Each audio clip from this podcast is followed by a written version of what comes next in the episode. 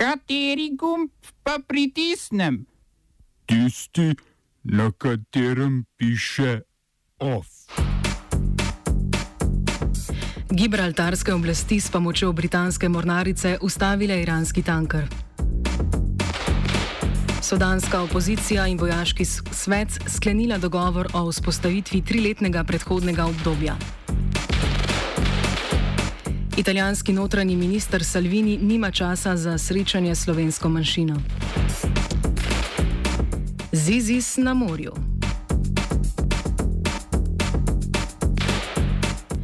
Britanska kraljeva mornarica, policija in gibraltarske oblasti so ustavile iranski tanker Grace One.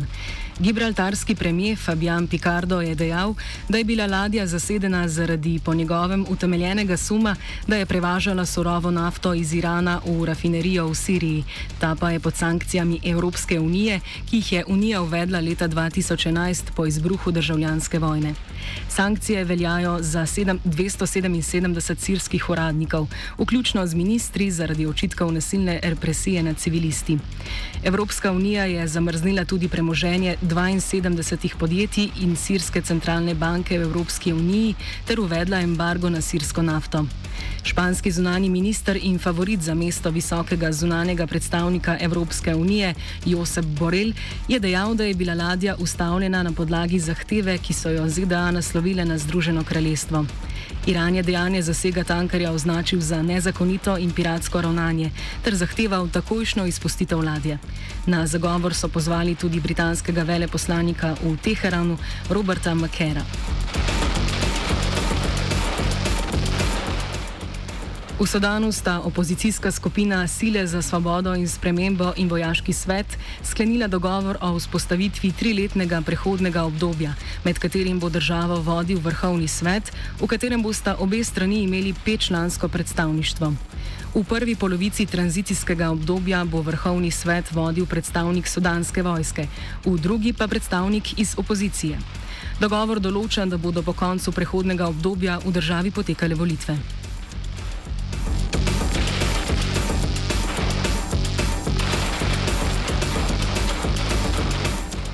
Sudanska vojska je 11. aprila z oblasti odstavila predsednika Omarja al-Bashirja, ki je bil na oblasti 30 letja.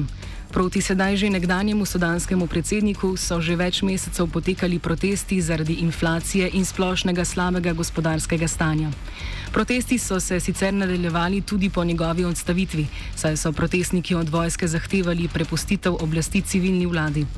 V sklenjenem dogovoru sta se obe strani strinjali, da bo izvedena temeljita in transparentna preiskava vseh nasilnih incidentov, ki so se zgodili v državi v preteklih mesecih.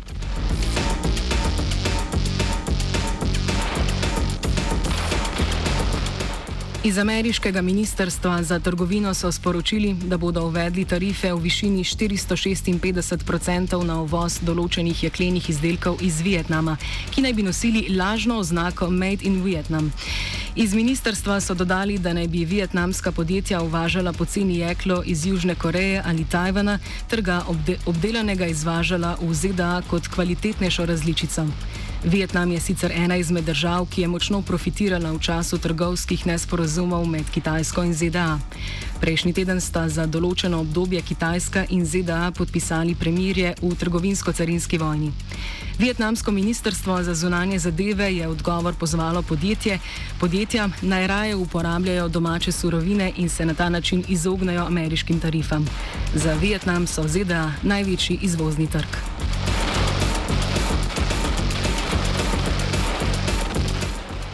Dva dni potem, ko je Moskva uradno umaknila podpis sporazuma o omejitvi jedrskih raket kratkega in srednjega dosega iz leta 1987, se bodo veleposlaniki Zveze NATO sestali z ruskim vojaškim predstavnikom, da bi se še zadnjič skušali dogovoriti o oživitvi sporazuma. Omenjeni sporazum iz časov hladne vojne Rusiji in ZDA prepoveduje proizvodnjo in posedovanje raket, ki so sposobne nositi nuklearno vojaško orožje z dosegom od 500 do 5500 km. Washington obtožuje Moskvo, da je prekršila sporazum z razvijanjem raketnega sistema 9M728, ki ga NATO pozna kot SSC-8, zaradi česar so že 2. februarja naznanili odstop od pogodbe in sprožili aktualni spor. ZDA so kot rok, do katerega se mora Rusija vrniti k spoštovanju sporazuma, določile 2. august. V nasprotnem primeru bodo od sporazuma tudi uradno odstopile. Rusija zavrača, zavrača obtožbe Washingtona.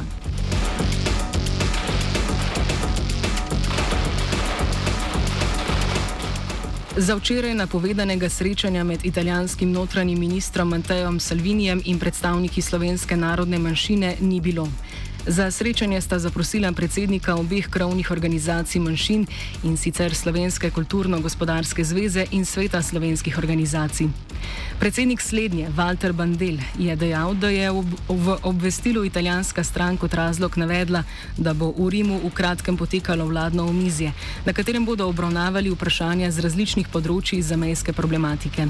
Več o tem, kaj so bile tematike, o katerih so se želeli pogovoriti z notranjim ministrom, Walter Bandel. Na, eh, najprej, seveda, eh, notranje ministrstvo je tisto, ki je najbolj direktno spostavljeno z kontaktu z nami, to pravi, da je bilo najprej načrtovano eh, z njim, da se to uredi, oziroma še posebno tiste problematike, ki smo imeli narodno skupnost v Italiji. Prvič, gotovo sta eh, dva zakona, eden je deželjni, ki je nekako že lahko rekel, da to se je skoraj rešilo.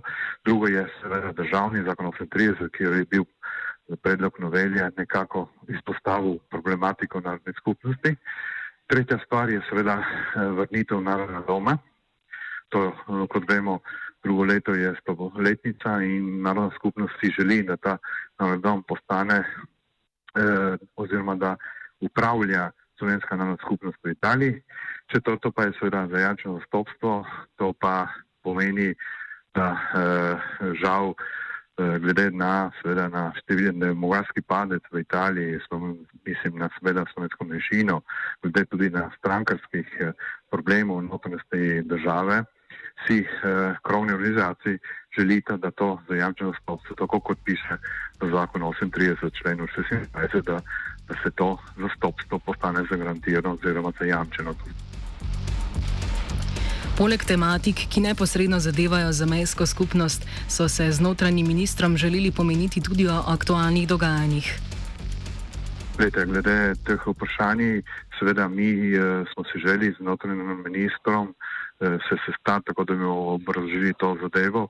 Seveda ni samo to, glede problematike, seveda bi tudi omenili, da nočemo nobenega zidu v tej med eh, državo oziroma med eh, matično državo Republike Slovenije.